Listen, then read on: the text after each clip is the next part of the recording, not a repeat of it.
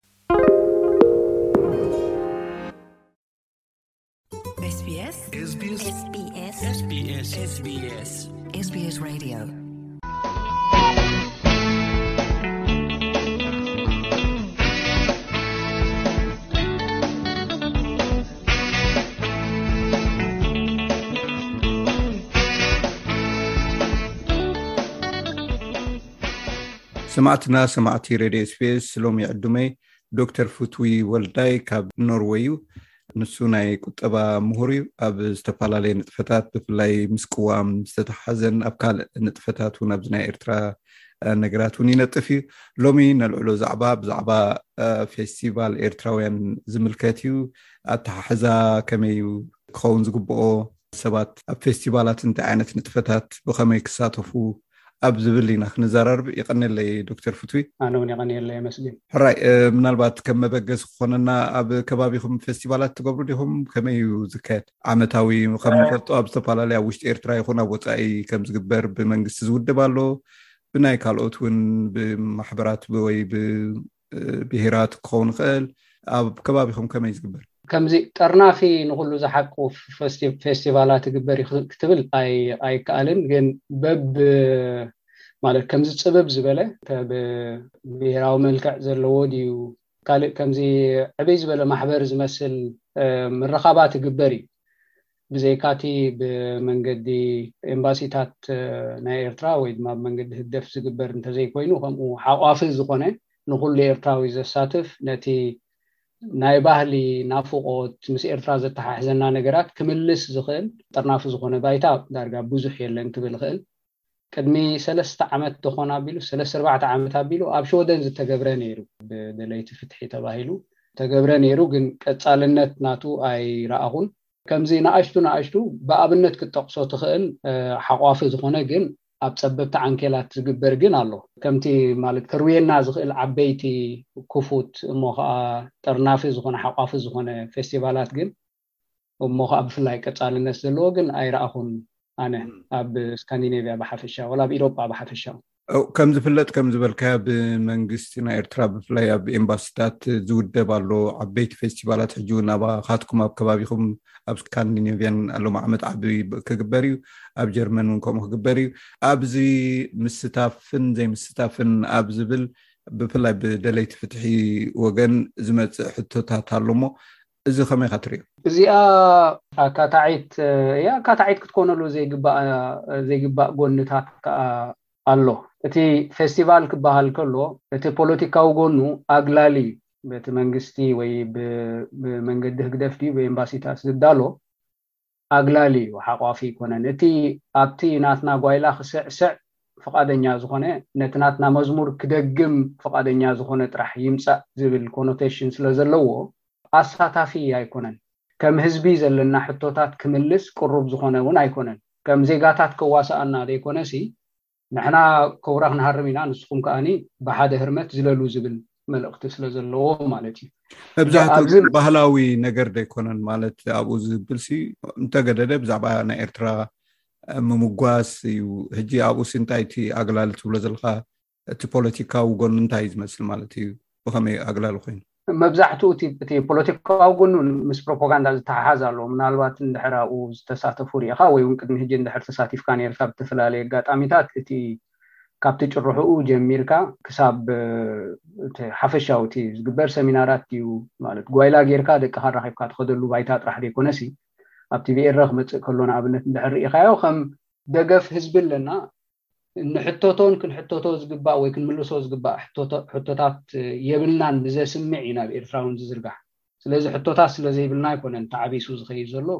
ተሓቲቱ ክምልስ ዝደሊ ወይ ፍቃደኛ ዝኾነ ኣካል ዘይምህላው እዩ ሕጂ እቲ ባህላዊ ኣበርክትኡ ኣይ እሱሕተ ማለት ኣይኮነን ፅምኢ ኣለና ደቅና ብዛዓብዩ ኣለዉ ብባህልና ብምስልና ክነዕብዮም ንደሊ ኢና ግን እዚ እቲ ፖለቲካዊ ክፋሉ ጎሲኻዮ ክትሓልፍ ኣይትኽእልን። ሕጂ ከም ዜጋታት ኮይና እንድሕር ኣብዚ ባይታ እዚ ክንዋሳእ ኮይና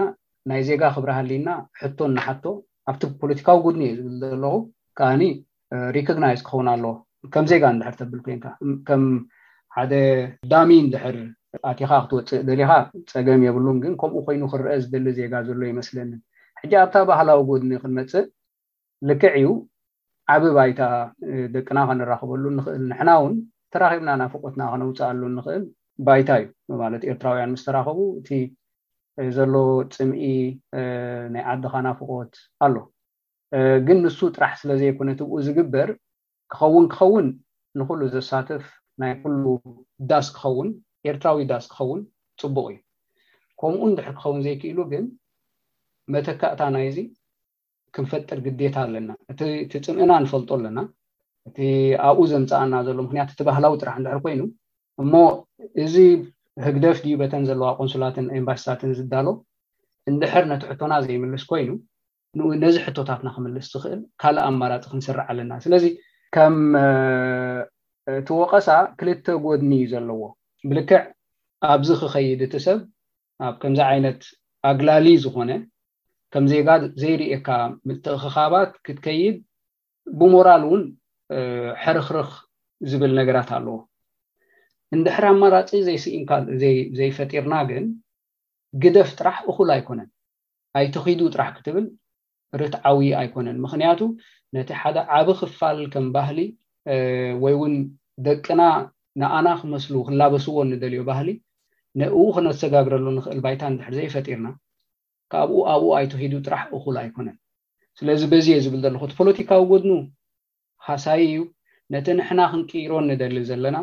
ነቲ ሃሲና ካብ ዓድና ኣውጺእና እሞ ከኣኒ ንዓድና ኣብ ድኽነት ኣብ ስደት ፐርፐችዋል ዝኾነ ድሕረት ቆሪንዋ ዘሎ ንሱ ክቕየረልና ንኡ ኢልና እናተቃወምና ኣብቲ ንሱ ንኡ ፐርፐችዌት ዝገብር ንኡ ዘቐፅል ንጥፈታት ክንሳተፍ ቅኑዕ ኣይኮነን። እወ ኣብ ማለትሲ ንዕኡ ዝትክእ ወይ ድማ ተመሳሳሊ ነገር እንተዘይፈጢርና ትብሎ ዘለካ ብከመይ ክፍጠር ዝኽእል ከም ንፈልጦ እቲ ብፍላይ ኣብቲ ናይ ደንበ ፍትሒ ዝበሃል ዳርጋ ዝተፈላለየ ተኸፋፊሉ እዩ ክበሃል ይከኣል እዩ ብፖለቲካ በተሓሳስባ ብዙሕ ነገር ማለት እዩ ብኸመይ ክጥርነፍ ዝኽእል ኣብኡ እዩ እቲ ኩሉ ግዜ ይፍተን እንዲ ብዝተፈላለዩ ሰባት ወይ ጉጅለታት ግን ከምቲ ግቡእ ክሰልጥ ኣይከኣለን እቲ ምናልባት መንግስታዊ ደገፍ እውን ስለ ዘለዎ ክዓቢ ክዕምብብ በቢዓመቱ ክንሪኦ ከለና ኣብቲ ካልእ ደንበ ግን እንዳደኸመ እዩ ዝኸይድ ስለዚ ብኸመይ እዩ ክፍጠር ዝኽእል ማለት እዩ ኢሉ ብናትካ ኣተሓሳስብ ከምዚ ይገበር ከምዚ ግበሩ ገለመለ ወይ ከምዚ ንግበር ክትብል ቀሊል እንድዩ ቀሊል እንተዝኸውን ከዓ ቀደም ምኾነ እቲ ኣብዚ ዘሎ ሕልኽላኻት ርዳእኒ ግን ካልእ ምርጫ እውን ደለና ኮይኑ ኣይስማዓንን እንትርፎ እቲ ሞራል ሃይ ግራውንድ ሒዝካ ጠርናፊ ዝኾነ ባይታ ክትፈጥር ምፍታን እዚ ዘሎ ማሕበረ-ኮማት ብፍላይ እቲ መንግስቲ ኢድ ዝእትወሉ ማሕበረ-ኮማት ጠርናፊ ኣይኮነን፣ ሓቋፊ ኣይኮነን፣ ኣግላሊ ዩ። ኣብ ኤርትራዊ ረብሓታት ዘይኮነሲ ኣብ ፓርትዛን ጎድንታት ዘተኮረ ዩ ኢልና ኢና ንወቕሶ ከምኡ ከኣ ስለ ዝኾነ ማለት ዩ። ሕጂ ካብዚ ዝሓሸ ክንፈጥር እንድሕር ኮይንና ክንገብሮ ዝግበኣና ነዚ ንሕና ንጽዮኖ ዘለና ንኡ ክትክእ ዝኽእል ብሞራልን ስነ ምግባርን ካብኡ ጸብለል ዝበለ ጥራሕ ኢና ክንፈጥር ዘለና። ካብኡ ንታሕቲ እንድሕር ክንፈጥር ኮይና ወይ ማዕሪኡ ክንፈጥር እንድሕር እንድሕር ኮይና እቲ ጻዕርና። ዘይምፍታን ይሓይሽ ነቲ ሕማቕ ዱፕሊኬት ምግባር ወይ ተጻራሪ ልክዕ ብዓጸፌትኡ ንኦኦም ዘግልል ካልእ ኣማራጺ ምፍጣር። ኣድላዪ ኣይኮነን፣ ሃናጺ ኣይኮነን፣ ተደላዪ ኣይኮነን ማለት እዩ። ከ ከነድምዕ ኣይንኽእልን። ስለዚ ኣነ በታ እትመስለኒ። እንታይ ክብል ምደለኹ ንኹሉ ክፉት ዝኾነ ኣሳታፊ ዝኾነ ምናልባት እቲ ዘይደልየካ ወይ እውን ፀለሎ ዝቐብኣካ ከይመፀካ ይኽእል እዩ ግን ክፉት ምዃኑ ንእውን ከም ዝሓቕፎ ክርኢ ዝኽእል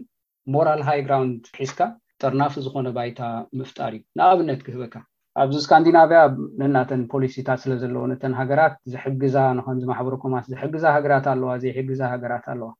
ስካንዲናቭያ ብዙሕ ሓገዛት እዩ ዝፈሰሉ ንከምኡ ማለት እዩ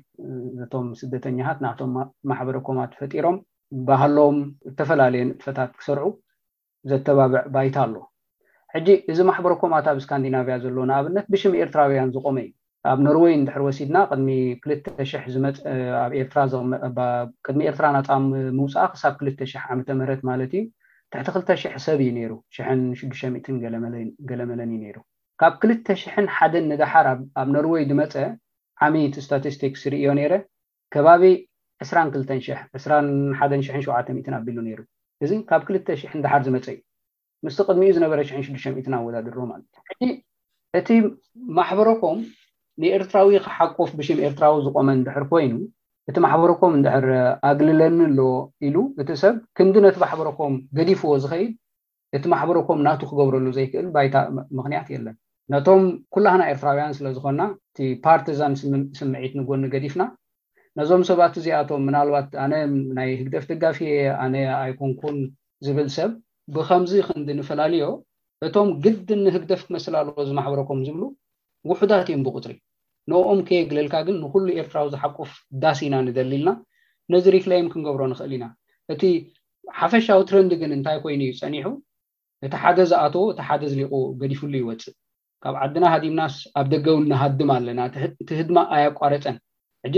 ኣብኡ ጥራሕ ከኣ ኣይኮነን ዝረኣ እንድሕር ኣዕብይ ኣቢልና ርኢናዮ እቲ ስእሊ ካብ ታሪኽና ንሃድም ካብቲ ሪክለይም ክንገብሮ ዝግብኣና ክብርታትና ካብ ኩሉ ኢና ክንሃድም ጸኒሕና ሕጂ ከም ከም ሓፈሻዊ ትረንድ እዚ ክቕየር ኣለዎ ሪክለይም ክንገብር ኣለና ሓደ እታ ካልኣይቲ ምናልባት ብኣንክሮ ብዙሕ ዘይንሓስበላ ኮይኑ ዝስምዓኒ ኣድላይነት ማሕበረኮም ኣድላይነት ጥርናፈ ኣብ ደገ ምስ ፖለቲካ ጥራሕ ክንተሓዞ ኣገዳሲ ኣይኮነን ኣብቲ ንነብረሉ ዘለና ዓድታት ብድምፅኻ ኢኻ መሰልካ ተውሕስ ብድምፅኻ ኢኻ ረብሓኻ ተውሕስ ድምፅና ከም ሓደ ግሩፕ ማለት እዩ ከም ሓደ ዲስቲንክት ግሩፕ ከም ኤርትራውያን ድምጽና ክስማዕ እንድሕር ኮይኑ ክንጥርነፍ ኣለና። ሓያል ህላወ ክህልወና እንድሕር ኮይኑ ኣለና። ሓይልና ብሓንሳብ ኣምጺእና ዓቕሚ ዘለዎም ሰባት ብሓንሳብ ኣምጺእና ክንዛረብ እንድሕር ክኢልና ኢና ኣብቲ ንነብረሉ ዘለና ዓዲ ውን ከነድምዕ እንኽእል። ብኡ መጠን ነቲ ምሳና ዘሎ ኣብቲ ንነብረሉ ዘለና ዓዲ ስደት ወዲ ሓውና ክንሕይሎ ንኽእል ኣብ ዓዲ እውን ብኡ መጠን ከነድምዕ ንኽእል ስለዚ ኣገዳስነት ናይ ማሕበረኮም እውን ብዕቱብ ንሓስበሉ ኣይመስለንን ምክንያቱ ክልተ ሰለስተ ሰባት ነጥፍሉ ካልኦት ግን የግድዕዎም ስለዚ ይግልል ማለት እዩ ምናልባት ኣብዚ ክነብሎ ኩሉ ማሕበረ ኮማት መብዛሕትኡ ማለት እዩ ፖለቲካዊ ነገራት ስለ ዝኣትዎ ዋላ ብተቃውሞ ይኹን ዋላ ብደገፍ ብከምኡ ዶኸውን እቲ ህዝቢ ክሰማማዕ ዘይክእል ዘሎ ማለት ዩ ማሕበረ ኮም ክበሃል ክሎስ ንፖለቲካዊ ዕላማ ጥራይ ከምቲ ክትገልፆ ዝፀናሕካ ክኸውን ኣይነበሮን ኣብ ባህሊ ከም ኤርትራ እውን ተጠርኒፍካ ድምፅካ ነቲ ዘለካዮ መሬት ማለት እዩ ተስማዓሉ ባይታ ክንዲ ዝኸውን ምናልባት ፖለቲካዊ ነገራት ስለዝኣት ዋላ ብቲ ናይ ተቃውሞ እውን ኣብቲ ፖለቲካውን ፋሕፋሕ ስለዝበለ ፋሕ ክብል ይኽእል ማለት እዩ ስለዚ ኣብዚ ንምንታይ ፖለቲካ ዝኣቱ ኩሉ ነገርና ማለት ኣብ ኩሉ ሂወትና ማለት እዩ ዋላ ከም ሰባት ዋላ ቤተክርስትያን እውን እንተከድካስ ከድካ ፖለቲካ ኣቱ ፋሕ ይብል ነናቱ ቤተክርስትያን ኣቆም ኣብ ሓንቲ እዩ ንኣብነት ኣብ ሓንቲ ትሕቲ ኦርቶዶክስ ይኹን ወይ ካቶሊክ ከምኡታት ገለመለ ይረኣዩ እሞ ንምንታይ ኩሉ ግዜ ኣብ ሂወትናስ ራይቲ ፀገም ዘለዎ ክኸውን ይኽእል ግን ኩሉ ግዜ ብፖለቲካ ፖለቲካ ዝሕወሶ ኣብ ናብራና ንምንታይ እዩ እሱ ዶ ክኸውን ይኽእል እቲ ብልክዕ ንሱ እዩ ፅብቕቲ እዚኣ ፅብቕቲ ሕቶ እያ ምናልባት እቲ ፖለቲካ ክንብል ከለና ክልተ ነገር ክፈላልየን ዝደሊ ወይ ፈላልየ ክርእየን ዝደሊ ነገራት ኣለዋ። እታ ሓንቲ እንታይ ዝበሃል ዓለም ለኻዊ መሰል ወዲ ሰብ ዝበሃል፣ እቲ ካልኣይ ከኣ እቲ ሓፈሻዊ ፖለቲካ ንብሎ ወይ ድማ ኣብ ፖሊሲ ዘይምስምማዕ ወይ ናይ ፖሊሲ ፍልልያት፣ ዘምጽኦ ፖለቲካ ናይ ኣረኣእያ ፍልልያት ማለት እዩ ፖለቲካ ሕጂ ናይ ዓድና ፖለቲካ ኣይኮነን ናይ ዓድና እቲ ቀንዲ ዛዕባና ሰብኣዊ መሰል እዩ። ማለትሲ ሓደ ሰብ እንድሕር ሰብኣዊ መሰሉ እንድሕር ተጋሂሱ እሞ ብዛዕባ ሰብኣዊ መሰል እንድሕር ትዛረብ ሃሊኻ ሰብኣዊ መሰለይ ተጋሂሱ ተኣሲረ ኣብ ፍትሒ ኣይ ፍትሒ ኣይረኸብኩን ኣብ ፍርዲ ኣይቀረብኩን ተጨውየ ጠፊኤ ኣቦይ ተኣሲርኒ ኣደይ ተቐቲላህኒ እንድሕር ኮይኑ ካብ ዓደይ ተሰጒጎ እንድሕር ኮይኑ እቲ ሕቶ መሰረታዊ ሰብኣዊ መሰል ስለዝኾነ ብዛዕባ እዚ ዘሻሙ ነገር እውን ክህልወና ይግባእን እዩ ከም ዜጋታት ሓንቲ ሃገር ማለት እዩ እዚ ኩላህና ብማዕረ ክንዛረበሉ ዝግባእና እዩ ምክንያቱ ፖለቲካ ክበሃል ከሎ ናይ ፖሊሲ ፍልል እዩ ክኸውን ዝግብኦ ነዛ ሃገር ካብዚ ናብ ዘላቶ ናብዚ ንክንመርሓሲ በዚ መንገዲ ኢና ንኸይድ ኖ እዚ መንገዲ እዩ ዝሓሸልካ ክትዛረብ ከለካ እዚ ፖለቲካ እዩ እቲ ናይ ዓድና ግን ፖለቲካ ኣይኮነን እንታይ ዝኸውን ዘሎ ንኣብነት ሓደ ኣቦይ ተኣሲርኒ ወይ ኣደይ ተኣሲራት ንሓወይ ጠፊእኒ እንድሕር ኢሉ እቲ ካልእ ከኣ ዝድግፍ ዘሎ ነቲ ሓደ እንድሕር ክድግፎ ኮይኑ ነቲ ብዘይ ፍትሒ ብዓመጽ ዝብድል ዘሎ እንድሕር ክድግፎ ኮይኑስ ሕራይ ኮንካ እዩ ዝብሎ ዘሎ ቤዚክሊ ኣባይ እያ ትጸሪ እዚኦም ኣብ ሓደ ባይታ ኣብ ሓደ ጥረጴዛ ኮፍ ኢሎምሲ ስሩዕ ዝኾነ ሂወት ወይ ማሕበር ክምስርቱ ኣይክእሉን እዮም ሕጂ መጀመርያ ሰብ ክንመስል ኣለና ህዝቢ ክንመስል ኣለና ማለትሲ ኣብቲ መባእታዊ ነገራት ኣብቲ ሰብኣዊ ክብሪ ሰብ ከም ሰብ ክቡር እዩ ዝብል ኣብኡ ክንሰማማዕ ክንክእል ኣለና። እዚ ምስቲ ፖለቲካዊ ንቕሓትና ወይ ምስቲ ደረጃ ንቕሓትና ብሓፈሻ እዩ ዝተሓሓዝ። ስለዚ ፖለቲካ ኣይኮነን ናህና፣ ናትና ወይ በሃምነት እዩ ማለት ርኡይ ዕሽነት እዩ ወይ ከኣ ተንኮል ወይ ክፍኣት እዩ ማለት እዩ። ሕጂ እዚኣ ምስ ፖለቲካ እቲ ፖለቲካ ይኣትዎ ምህላዉ ግን ከምታ ዝበልካያ ብመሰረቱ ንሱ ሓደ ካብቲ ጸገማትና እዩ። እቲ ክኸውን ዝግብኦ ግን እንታይ እዩ ነይሩ እንድሕር ኢልና ንሕና ከም ሰብ ንመንግስቲ ክንሓተሉ ከም ህዝቢ ከም ሓደ ህዝቢ ሓደ ድልድል ዝበለ ማሕበረኮም እንድሕር ሃልዩናስ ዘይንሰማማዓሉ ወይ ኣብ ህዝቢ ኮንትሮቨርሲ ዝፈጥር ሓደ ፖሊሲ እንድሕር ሃልዩ ካብ ዝኾነ ፖለቲካዊ ውዳበ ይኹን ካብ መንግስቲ ኣብቲ ማሕበረኮም ጸዊዕና ሕቶ ኢና ክንሓትት ዝግብኣና እኮ ምኽንያቱ እዞም ሰባት እዚኣቶም ንሕና ኣይኮኑን ከማና ካልኦት ውልቀ ሰባት እዮም'የ ሓንቲ ሃገር ብጉጅለ ወይ ብሰባት እያ ትምራሕ እዞም ሰባት እዚኣቶም ናይ ውልቆም ረብሓታት ኣለዎም፣ ነቲ ንሕና እንህቦም ማንዴት ወሲዶም ከኣ ነቲ ናትና ዕማም ከተግብሩ ከኣ እቲ ናቶም ማንዴት የገድዶም እዩ። ስለዚ ነዚ ማንዴት ናትና ከም ህዝቢ ከም ሃገር ንቕድሚት ዶ የሰጉምዎ ኣለዉ ወላስ ከኣ በቲ ናቶም ውልቃዊ ረብሓ ናቶም ውልቃዊ ረብሓ ውን ስለ ዘለዎም ምስ ናቶም ስድራቤት ኣለዎም ናቶም ቀዳምነታት ኣለዎም ፕራይቨት ቀዳምነታት ወላስ ኣብቲ ናቶም ውልቃዊ ረብሓታት እዮም ዘዘንብልዎ ዘለዉ ኢልና ክንሓትት ከም ህዝቢ እዩ ዝግብኣና ንከምዚ ክንገብር ዘኽእለና ባይታ ከ ኢና ክንፈጥር ዝግብኣና ራይ ፅቡቅ ሕቶኒ ማለት ብሓፈሻ ፌስቲቫል ዋላ ከይወሰድካ እቲ ህዝቢ ናይ ብሓቂ ሕዝነካ እዩ ማለት ፋሕፋሒዱ ማለት ብዝጠቅምን ዘይጠቅምን ሕጂ ከም ዝበልካዮ ሓንቲ ከተጥር ንፎ ትኽእል ከም ሰብ ምሕሳብ ዳርጋ ንሓንሳብ ኣብ ከምኡ ካብኡ ዝረሓቕና ኮይኑ ይስምዓኒ እሞ ብሓፈሻ ክትግምግሞ ከለካ እቲ ጥርናፈ እንዲና ንዛርብ ዘለና እቲ ህዝቢ ከም ህዝቢ ሲ ሓደ ህዝቢ ካብ ኤርትራ ዝመፀ ህዝቢ ኢልካስ ፖለቲካ ብዘየገድስ ክሰማማዓሉ ዝኽእል እንታይ ይረኣየካ ናይ መወዳእታ ሕቶይ ማለት እዩ ፌስቲቫል ኹን ኣብ ካልእ ኹን ማለት ኣብ ሓዘን ክትራኸብ ትኽእል ኣብ ሓጎስ ክትራኸብ ትኽእል ብዙሕ ነገር ማለት ኣብ እምነት ክትራኸብ ትኽእል ሕጂ ነዚ ኩሉ ሲ ከም ህዝቢ ንሓዋር እውን ደቅና ኣለው ኣብዚ ዝውለዱ ኣለው ንሳቶም እውን ካባና ዝርእዎ ነገራት ኣሎ ስለዚ ዝተፈላሊካ ክሳብ መዓስ እዩ ብዘየገድስ ፖለቲካ ኣብቲ ሃገር ዝካየድ ንመፃእ እውን ቁሩብ ሓድጊ ወይ ገለ ክንገድፈሉ ንኽእል ነገራሲ እንታይ ክኸውን ኢልካ ትእምም ማለት እዩ ማለት ሲ ሰማዒ ተረኪብና ምናልባት ኣብ ገሊኡ ክትግብርዎ ውን ይኽእሉ እዮም እሞ ምናልባት እንታይ እዩ ብናትካ ረኣያ እንታይ ክግበር ይግብኦ ብሓፈሽ ከም ህዝቢ ኣነስ እንታይ ክብል እንታይ ምበልኩ እስኪ ምናልባት ብኮምፓሽን እስኪ ንጀምር እታ ኮምፓሽን ሲ ስቃይ ብጻይካ ሲ ከም ሰቃይካ ወሲድካ ሓውካ ክዕንቀፍ ከሎ ሓይ ክትብል ምክኣል ማለት እንድያ ወይ ሓወይ ክትብል ምክኣል ማለት እንድያ። ድንጋጽ። እወ ድንጋጽ ብኡ እስከ ንጀምር እሳ እታ ምናልባት ሰብ ክትገብረና ትክእል ንሳ እያ እዚ ናይ ፖለቲካ ፍልልያት ኣብ ስድራቤታት ከይተረፈ ዘሎ እንድዩ ግን ኣብ ስድራቤታት ብዝሓሸ ናቪገይት ንገብሮ ኢና ንሰግሮ ኢና ሕጂ ነዚኣ እስኪ ኣብቲ ዝዓበየ ፕላትፎርም ነምጽኣያ ዘይንፈልጦ ክኸውን ከሎ እቲ ሰብ ክንድንዕንትረሉ ልክዕ ከምቲ ኣብ ስድራ ቤትና ጌርና ንፈልያ ከምኣ ጌርና ነብላ። ኣብ ገለ ገለ ቦታታት ንኣብነት ንፉዓት ነዚ ቁሩብ ናቪገይት ክገብርዎ ንኣሽቱ ደኣ ኮይኑ እምበሪ ኣለው ዝኸኣሉ ኣለው ደቆም ከምህሩ ብሓንሳብ ኮይኖም ደቆም ከምህሩ ዝኸኣሉ ማለት እዩ። እቲ ሓደ ቀላል መልሲ ዘላታ ሕቶ ከም ኩሉ ናህና ጉዳይ መቸም ቀሊል መልሲ ዘለዎ ነገር ኣይኮነ የለን ግን እዛ ሕቶ እዚኣ ከኣ ካብተን ዝኸበዳ እንድያ ተስፋ ሓዊስካ ኢኻ ቁሩብ ተስፋ ነስኒስካ ኢኻ ክትምልሶ ትኽእል። ሕጂ ካብ ኮምፓሽን ድሕር ካብ ድንጋጽ ወይ ድማ ናይ ነንሕድሕድና ምትሕልላይ እንተ ጀሚርና እሞ እቲ ብሓባር ክንከውን ከለና እንኸስቦ ካብቲ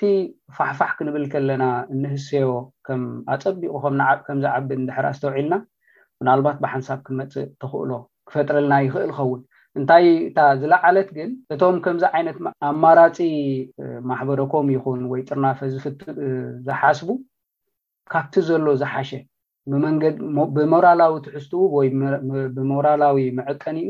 ጸብለል ዝበለ ደኣምበር ካብኡ ዝሓስረ ክኸውን የብሉን። ዘይምጅማሮ ሓይሽ እንድሕር ከምኡ ኮይኑ ምኽንያቱ ተስፋ ሂብካ ነቲ ተስፋ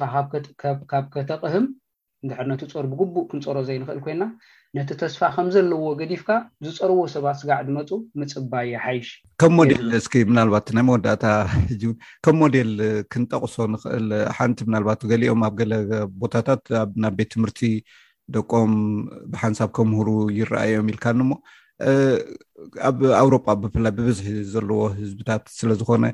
ከመይ እዩ ከም ሞዴል ንሪኦ ነገራት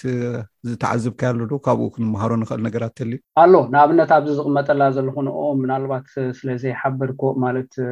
ሃንደበት ትመፅእ ስለዘላ ሽማ ምርቋሓ የድሊ ንኸውን ግን ከባቢ ክልተ ሚእቲ ምስ ቆልዑ ሓዊስካ ኣቢሉ ጠርኒፉ ዳርጋ ንነዊሕ ዓመታት ልዕሊ ዕስራ ዓመት ዝኸደ ሓደ ማሕበር ኣሎ ኤርትራዊ ባህሊ ብሓፈሻ ፓርቲዛን ብዘይኮነ መንገዲ ብዘይካ እቲ ቅቡል ናሽናል ሲምበልስ እንተዘይኮይኑ ዝኾነ ፖለቲካዊ ነፀብራቕ ዘይብሉ እቲ ጠመተ ብሙሉኡ ኣብቶም ቆልዑ ጥራሕ ኣተኲሩ ዝገብር ዝኸይድ ኣሎ ማለት እዩ። ሓደ ንእሽቶይ ማሕበር ኣሎ። ከምኡ ዝመስሉ ማሕበራት እውን በብዓዱ ከም ዝህልዉ ኣይስሕትን። ካልእ ምናልባት ኣብዚ ቐረባ ዝመፅእ ወርሒ ሸሞንተ ፌስቲቫል ናይ ብሌን ኣሎ እዚ ህጂ ጽብብ ዝበለ ሓደ ብሄራዊ ፌስቲቫል ስለ ዝኾነ ምናልባት